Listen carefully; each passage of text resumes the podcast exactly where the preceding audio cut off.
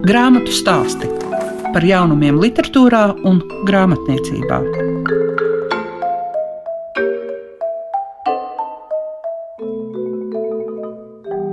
Savu skanējumu sāk grāmatu stāstī, un šodien būs tādas eh, diezgan pretrunīgas lietas. Sandra Krūmiņa uzrakstījusi savu debijas romānu Zvaigžņu dārzi, un tur ikdienišķais un pārdabiskais ir līdzās, tāpat kā astronomija, folklora un maģija.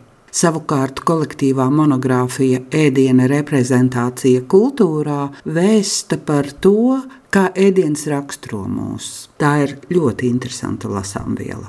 Kopā ar jums, kā parasti, liega piešiņa. Grāmatu stāsti programmā Klasika.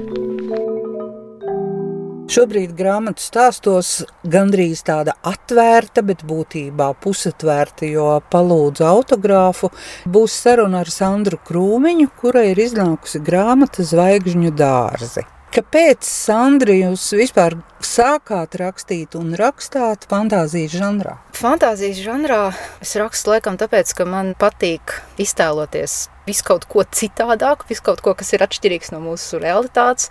Un tad, kad es rakstu, es iedziļinos tajās pasaulēs, kuras es aprakstu. Un tad sanākais, tā teikt, rakstot savā ziņā izklaidēju pats sevi, varbūt stāstot fantāziju. Ar ko jūs vispār sākāt? Es rakstījusi esmu, man liekas, cik vien es sev varu atcerēties. Vienmēr ir gribējies kaut kādus mazus stāstīņus rakstīt skolas laikā jau. Un jau īstenībā pirms skolas vis kaut kur tvēra iedvesmu. Sākumā varbūt tas bija vairāk kaut kādas filmas, parādījās pirmās datorspēles, bet arī grāmatas, protams. Viss kaut kur ķēra iedvesmu, viss kaut kas man ļoti saistīja, ļoti uh, paplašināja mans pašu iztēli, un man gribējās to arī kaut kā likt kopā, savienot uz papīra un, un, un tad pašai rast to prieku. Vai jūs esat saglabājis savus pirmos mēģinājumus? Es esmu reti, reiz pa reizē, kad aizbraucu uz laukiem, es viņus pašķirstu, bet tiešām ļoti reti. Tad vienmēr ir tāda sajūta, ka liekas, nu būs kaut kas baigi interesants, es sev atklāšu kaut ko tādu, ko es esmu aizmirsus, kā man tik labi bija sanācis vai kā.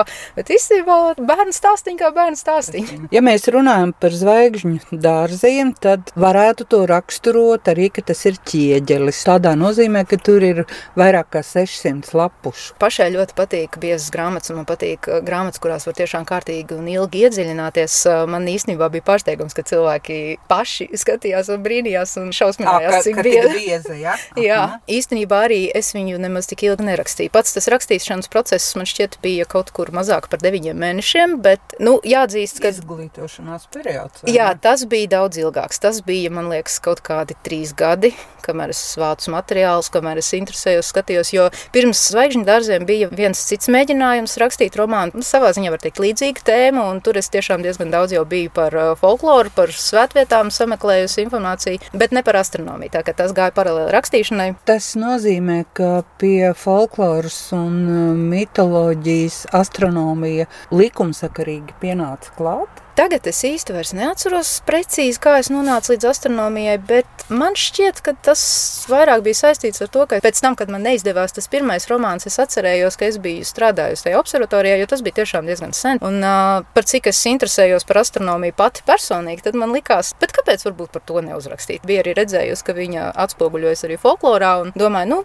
labi, pameklēšu kaut ko vairāk. Ja mēs runājam vēl par iztēli un īstenību, ko aprakstīt precīzāk jums bija svarīgāk? Man liekas, ka vissvarīgākais man bija aprakstīt, iztēlot to tā, lai tas liktos īsts. Jo nestāstot neko priekšā, grāmatā diezgan liels uzsvars ir uz to, kā atšķirt īstenību no tā, kas liekas neiespējams. Un, jā, man liekas, ka uzbūrt to sajūtu varētu būt, ka tas bija tas pats svarīgākais. Vai jūs pati esat bailīgs cilvēks? Man gribas teikt, ka nē, bet tad, kad tu atopies mežā dziļi naktī, sevišķi, ja viena aizbraukusi esmu kempot, tad jā, es zinu, ka mežā nekas slikts nevar būt, pārdabiskām parādībām īpaši netic, bet tās domas, viņas nāk vienalga. Tad, kad ir tumšs, tad, kad ir visās malās ēnas un silueti un visādas skaņas, kurām tu neredz acīm redzam cēloni, tad jā, tad paliek baismi, bet var teikt, ka esmu iemācījusies to nolikt malā vai varbūt pārveidot par izklaidi. Man liekas, ka bailēm jūsu romānā ir ļoti, ļoti, ļoti liela nozīme. jāatzīst, ka pašā sākumā es tiešām nedomāju to romānu rakstīt kā šausmu romānu. Bija tā, ka man e, ir viens ļoti labs draugs, kas man ļoti palīdzēja sižetu pielaboja, ieteica visu kaut ko, kādos virzienos rakstīt, un es viņam devu arī fragmentus lasīt. Un e, tās vietas, kas tagad ir kļuvušas par tām bailīgajām, es atceros, ka viņš lasīja, un viņš e, visu laiku man teica, bet tu raksti šausmīgāk, te taču ir perfekta vieta, kur uzrakstīt kaut ko šausmīgu, nu raksti šausmīgāk, vēl šausmīgāk. Un tā tas aizgāja. Beigās es arī tā kā vairāk var teikt, ka bija pārsteigta, ka cilvēki uzskatīja to par šausmu romānu, nevis vienkārši tādu fantāzijas romānu ar maziem šausmu elementiem. Jā, tā ka tas laikam bija tā nejauši. Ja godīgi, es neuztvēru viņu kā šausmu romānu. Es gluži otrādi uztvēru tās epizodes vairāk kā pamācošas, kā ar to tikt galā. Jā, varbūt tas man arī tā nebija ienācis prātā uz to no tāda viedokļa paskatīties, bet Principā jā, jo, lai varētu tikt galā ar jebkādām savām problēmām, viņām jau tomēr ir jāskatās acīs. Nu, jā, man liekas, ka man galvenā varona arī noteikti nebūtu varējusi tikt ar visu to galā, kas viņai tur beigās sarodās tā problēma gūzma, ja viņa tiešām nebūtu mēģinājusi sev pārvarēt. Jūs gan tā spilgti spējat iezīmēt cilvēku arī negatīvās īpašības. Es īstenībā pat baidījos, vai tie tēli, kas ir tie ļaunie tēli, vai viņi nav gadījumā pārāk jau tādi stereotipiski, vai nav jau mazliet par daudz pāršauts par strīpu par to, cik viņi tur dažkārt tā neģēlīgi izrīkojas. Lai gan neviens no šiem tēliem nav balstīts uz kaut kādiem reāliem cilvēkiem no manas dzīves, Tas viss ir, ja tā var teikt, kaut kur kaut kas tam līdzīgs ir redzēts arī īstajā dzīvē. Un uh, rakstot grāmatu, tad laid to sev cauri, un tāda viņa arī laikam izveidojās. Un grāmatā jau, protams, arī vajag mazliet tā sakoncentrētāk, tā lai tas arī rāda uzreiz to efektu. Un, jā, nu, tā laikam viņa arī radās. Jau uz zvaigžņu dārziem palūkojas no tagadnes un aizvēstures pozīcijām. Kāds būtu tas jūsu raksturojums? Man šķiet, ka gan tas, ko man liekas, ka var saskatīt reālajā dzīvē, gan arī tas, ko es mēģināju grāmatā ielikt, ir tas, ka cilvēkiem ir kaut kāda vajadzība pēc mitoloģiskās domāšanas. Man tā šķiet, ir kaut kāda nepieciešamība, kaut kāda dvēseles komforta mēs rodam tajā, ka mēs varam uz savām dzīves problēmām skatīties caur kaut kādiem mitoloģiskiem simboliem, caur tādām metaforām. Mūsdienās, protams, to visu var gudriem vārdiem sakot dekonstruēt un, un, un izanalizēt, un tāpēc arī mēs tagad droši vien varam skaidrāk pateikt, kas ir šī vajadzība, no kurienes viņa rodās, bet agrākos laikos tas kaut kā bija pavisam vienkārši vienkārši. Tad bija šie mīti, tad bija tā maģiskā domāšana. Man tiešām liekas, jā, ka tajos laikos cilvēkiem kaut kā tas bija veids, kā viņi kā rada mieru, rada atbildes uz saviem jautājumiem, gan par pasauli, gan arī par to, kas viņiem iekšā bija. Viņi paļaujas uz likteni? Nē, viņi drīzāk paļaujas uz mācībām, uz kaut kādām dzīves gudrībām, kas kolektīvi ir teikt, apkopotas mītos. Nevelti ir, piemēram, ļoti liela daļa tie iniciācijas mīti, ko es esmu zvaigžņu dārzos pieminējusi. Tie ir stāsti, kas tādā simboliskā veidā palīdz cilvēkiem tikt galā ar pārmaiņām, palīdz pieaugt, palīdz stāties pretī savām problēmām. Un uh, nav pat nepieciešams ticēt visai tai pārdabiskajai pusē, kas nāk tam līdzi, bet uh, stāst paši par sevi, kaut kāda apziņa, ka pirms tevis tavs senči tam visam arī ir gājuši cauri un atstājuši tev tādā simboliskā veidā šīs mācības, varbūt, palīdz. Tā vismaz man šķiet. Nu, ja mēs padomājam kaut vai par tām buramvārdu grāmatām, par tautas dziesmām, tagad, kad jūs šo tēmu esat pētījusi un vēl vai jums šķiet, ka tur ir pateikts ļoti daudz patiesības? Bez visādām atrunām, jā.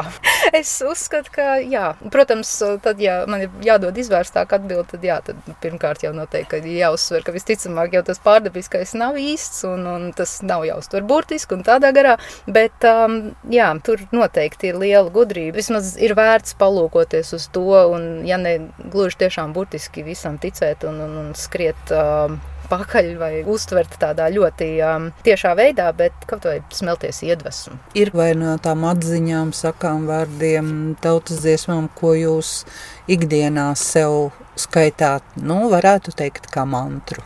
Man nav konkrētu vārdu, bet, ja tā var teikt, es par savējo esmu paņēmusi šo krupīšu zīmi, kas ir grāmatā zvāka. Jo, kad es par viņu sāku interesēties, man ļoti uzrunāja tieši tas, kā gudri saka, ambivalentums, kas piemīt šai zīmē, ka viņa ir vienlaicīgi gan par tumsu, gan arī par iedvesmu, par sapņiem, par lejas pasauli, par visu to, no kā cilvēki bieži vien baidās vai no kā izvairās, kamēr viņi to nav sākuši saprast. Un man liekas, ka tā ir arī ļoti svarīga mācība, ka tumsa, tāpat kā gaisma, tā ir mūsu dzīves realitātes sastāvdaļa. Un izvairīties no tās vai baidīties no tās, tādā veidā mēs daudz ko zaudējam. Mēs palaidām garām daudzas iespējas mācīties. Nu, protams, arī šī zīme arī pieskarās tam radošajam, haotiski radošajam bieži vien aspektam, un tāpēc arī es vismaz priekš sevis viņu uztveru arī kā rakstnieces zīmi. Vai jūs turpināt rakstīt? Jā, es turpinu.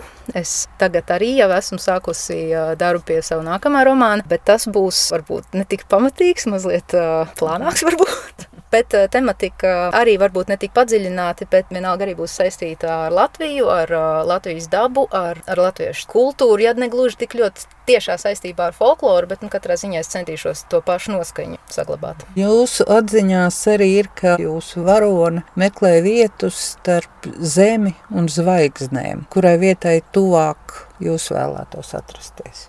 Man šķiet, ka tās zvaigznes viņas bieži vien var gadīties pārprast. Līdzīgi kā krupīša zīme var dažreiz uztvert negatīvāk nekā viņi ir uztverami, tā arī tās zvaigznes, nu vismaz no manas varonas pozīcijām, ka viņas var šķist kā kaut kas tāds, uz ko būtu jātiecās, lai gan savā ziņā varbūt īstā dzīve ir tepat lejā, un ja mēs sakārtojam to savu īsto dzīvi, tad savā ziņā var jau teikt, ka tās zvaigznes tā kā ir nonākušas pie mums grāmatu stāsti tiem, kam grāmatu lasīšana ir vērtība.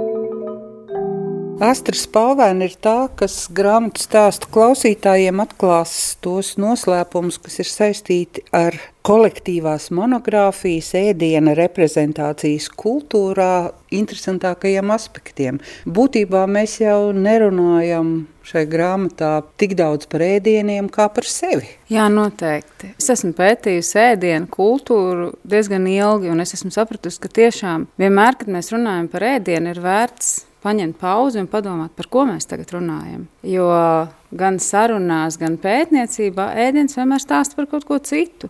Visbiežāk tieši tā par sevi, par mūsu identitāti, par sabiedrību, par attiecībām sabiedrībā, attiecībām ar laiku, attiecībām ar vērtībām. Ļoti interesants veids, kā skatīties uz pasauli caur vienu fenomenu. Tas varētu būt arī cits fenomens, bet ēdiens, manuprāt, vislabāk stāsta šos stāstus par mums pašiem tieši tāpēc, ka tas ir tik ikdienišķs. Mēs visi to zinām, mēs ēdam ēdam katru dienu, mēs saskaramies ar ēdienu. Mums ir viegli, piemēram, runāt, lietot ar ēdienu saistītu vārdu krājuma valodā, jo mēs visi to zinām, mēs to atpazīstam. Tas ir kopīgais pieredzes lauks, un tādēļ tik viegli stāstīt ar to par kaut ko citu. Mēs esam kādreiz ar tulkotājiem runājuši. Viņi saka, ka tu tagad ēd maizi, bet ir drusku savādāka maize, ko ēd Latvijā un ko ēd, piemēram, Itālijā vai Spānijā. Mūsu gadījumā nē, mūsu raksti skār plašākas tēmas, bet gan tomēr pārsvarā par Latvijas teritoriju. Mēs pieskaramies arī Lietuvai, lietuviešu identitātei, tādā arī, protams, starpkultūra aspektā. Bet mēs cenšamies runāt ne tikai par latviešiem, bet arī par citām grupām, kas ir dzīvojušas Latvijā. Gan par ebreju kultūru, gan par krievu kultūru, arī par vācu baltiešiem. Mēs esam mēģinājuši skatīties plašāk, lai arī sevi, latviešus, saprastu attiecībās ar šīm citām kultūrām. Tas gastropoētika ir tāds, es gribētu teikt, tāds divdomīgs. Tas apzīmējums, uz ko ir vairāk akcents. Akcents jau ir uz poētiku. Tieši tā, protams, akcents ir uz poētiku.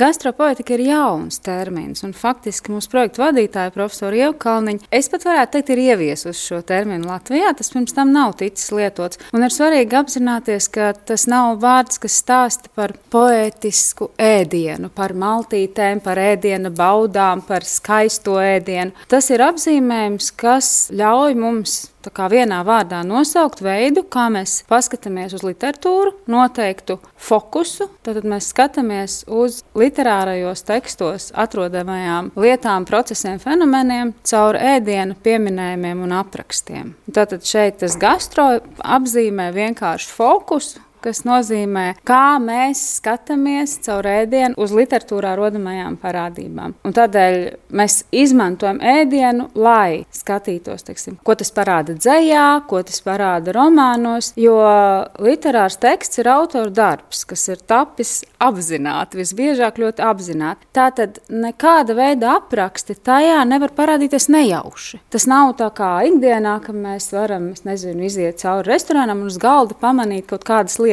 kaut arī tur nejaušība ir stipri nosacīta. Bet literārā tekstā autors ēdienu aprakstu ir ievietojis, lai kaut ko pateiktu.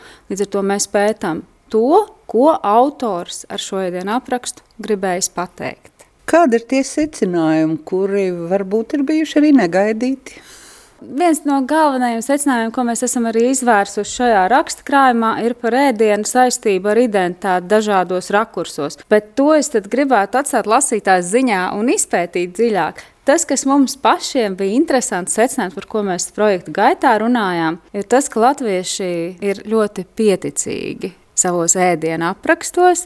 Mūsu literatūrā Reti parādās tādas grandiozas, maltītes, ļoti dāsnas, mums tomēr ir tāda pieticīga ēdienu apraksti. Varbūt mēs pat mazliet izvairamies izbaudīt ēdienu un runāt par to. Mums tas vairāk kalpo nu, eksistenciālu slāņu attainojumam un jā, varbūt nepārāk patīkamu lietu attēlojumiem. Ne vēl arī Sigita Kušner mūsu projektā pēta badu un bada attēlojumu. Tad, tad ēdienu puses ir dažādas, jo bieži liekas tas baudas baudas aspekts izvirzās priekšplānā. Mēs to uzreiz ieraugām no ēdienas, tas nozīmē, ka mēs baudām ēdienu. Mūsu latviešu literatūrā bieži parādās arī ēdienu trūkums. Kā tas tiek pārvarēts, vai kas caur to tiek izjusts, kādu pieredzi tas paver. Vai jūs pirms gadiem pieciem domājāt, ka varētu būt šāda kolektīvā monogrāfija? Nu, jāsaka, ka nē, es tā uzreiz tieši. Es rakstīju doktora darbu Latvijas Kultūras Akadēmijā par ēdienu kultūru Latvijā, aizstāvēju to 2015. gadā, un man bija ļoti vientulīga sajūta Latvijā. Jo Latvijā ēdienu kultūra tikai pamazām iegūst tādu atzinību kā pilntiesīgs pētījuma objekts. Tādēļ es esmu priecīga lepna un ārkārtīgi pateicīga visiem saviem kolēģiem šajā projektā, ka šī monogrāfija man šeit beidzot skaidri apliecina, cik dziļi un nopietni mēs varam skatīties uz ēdienu kā uz akadēmisku pētījumu objektu. Jo šī monogrāfija ir tiešām akadēmisks darbs, ko ir veidojuši augsts raudzes profesionāļi savā jomā. Man šķiet, tā ir brīnišķīga lieta, ko mēs šobrīd turam rokās. Vai nav tā, ka pēc šīs monogrāfijas ēdienu reprezentācijas kultūrā cilvēki savādāk lasīs arī grāmatas? Kā es gribētu, lai tā būtu? Man liekas, tas ir brīnišķīgs novēlējums. Jo, protams, literatūrā mēs arī bieži pamanām tieši tos greznos, krāšņos aprakstus vai kādus, bet jā, es gribētu, lai lasītājs apstājas un padomā, kāpēc tieši šis ēdiens te ir pieminēts. Kādēļ tieši tā varonis ēd piedāvā ēdienu citiem, aicina citus uz maltīti. Un šis kādēļ jautājums, es domāju, droši vien ļaus iegūt vēl vienu slāni tai grāmatai, kas ir lasītāja priekšā. Šī monogrāfijā ir 17 autori. Tas nozīmē, ka tas jau ir plašs lokus. Vai ir domāts par turpinājumu? Man neizdosies atrast nekādu oriģinālu atbildi. Šādi pētniecības projekti un tik plaša mēroga ir ārkārtīgi atkarīgi no finansējuma. Tādēļ droši vien tā ir arī mana atbilde. Es domāju, ka mēs daudz esam ieinteresēti turpināt šos pētījumus. Es personīgi turpinu, bet tas tiešām ir atkarīgs atkarīgs arī no tā, kā akadēmiskajā kopienā mēs spējam paskatīties uz šo tematu un atskārst, cik tas ir nozīmīgs dažādu mūsu šīs dienas aktualitāšu iepazīšanai un izvērtēšanai. Es ceru, ka šī monogrāfija ir solis šajā virzienā, jo, protams, man arī bieži ir bijis tā, ka es piedalos zinātniskās konferencēs, un mana tēma ir par ēdienu kultūru, un tad man arī piesaka vienmēr, nu, un tagad pirms kafijas pauzes Astras Palvēna mums stāstīs par ēdienu. Un es ļoti gribētu, lai šī monogrāfija ir tas krustpunkts, kas mums ļauj paskatīties uz ēdienu tagad no jauna, citādāk, un ierādīt tam atbilstošu vietu arī akadēmiskajā vidē. Kas jums pašai vislabāk garšo? Mums nesen bija saruna ar, ar vienu gastronomiski interesētu kolēģi, Mēs runājam par to, kas, kas mums ir tas ēdiens, par ko runājot, mums iemirdzās acis. Viņš teica, ka viņam tas ir vasaras ābols, man tas ir vasaras tomāts. Latvijas vasaras tomātu garša un garšu daudzveidība, manuprāt, ir nesalīdzināma ne ar ko izskan grāmatu stāsti. Šodien par fantāzijas žanra grāmatu stāstītā autore Sandra Krūmiņa. Romāna nosaukums ir Zvaigžņu dārzi. Tas savija ikdienišķo un pārdabisko. Tāpat arī dzirdējāt par kolektīvo monogrāfiju ēdiena reprezentācija kultūrā, kas atklāja arī dažādus noslēpumus par mums. Visu labu jums saka Liega Piešiņa. Grāmatu stāsti par jaunumiem literatūrā un grāmatniecībā ik trešdienu, 9.5. ar atkārtojumu Svētdien, 18.15.